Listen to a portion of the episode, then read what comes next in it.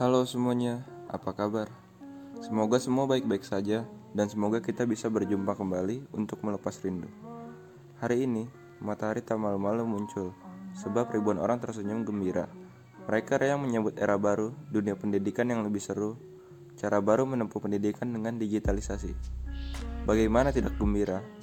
Dalam kuliah online, mahasiswa bisa mengakses materi kuliah secara fleksibel.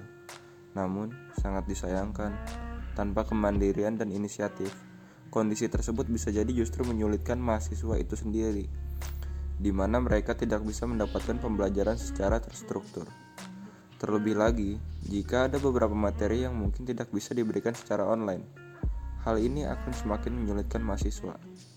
Kemudian, sistem perkuliahan online tidak mengharuskan mahasiswa bertatap muka dengan pengajar secara langsung. Pada akhirnya, metode ini menghilangkan kesempatan berinteraksi, bukan hanya dengan dosen.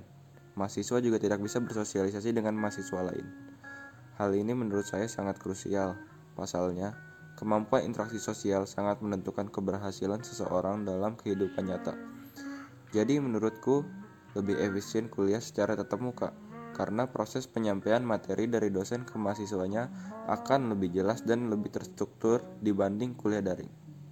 Menurut kalian gimana?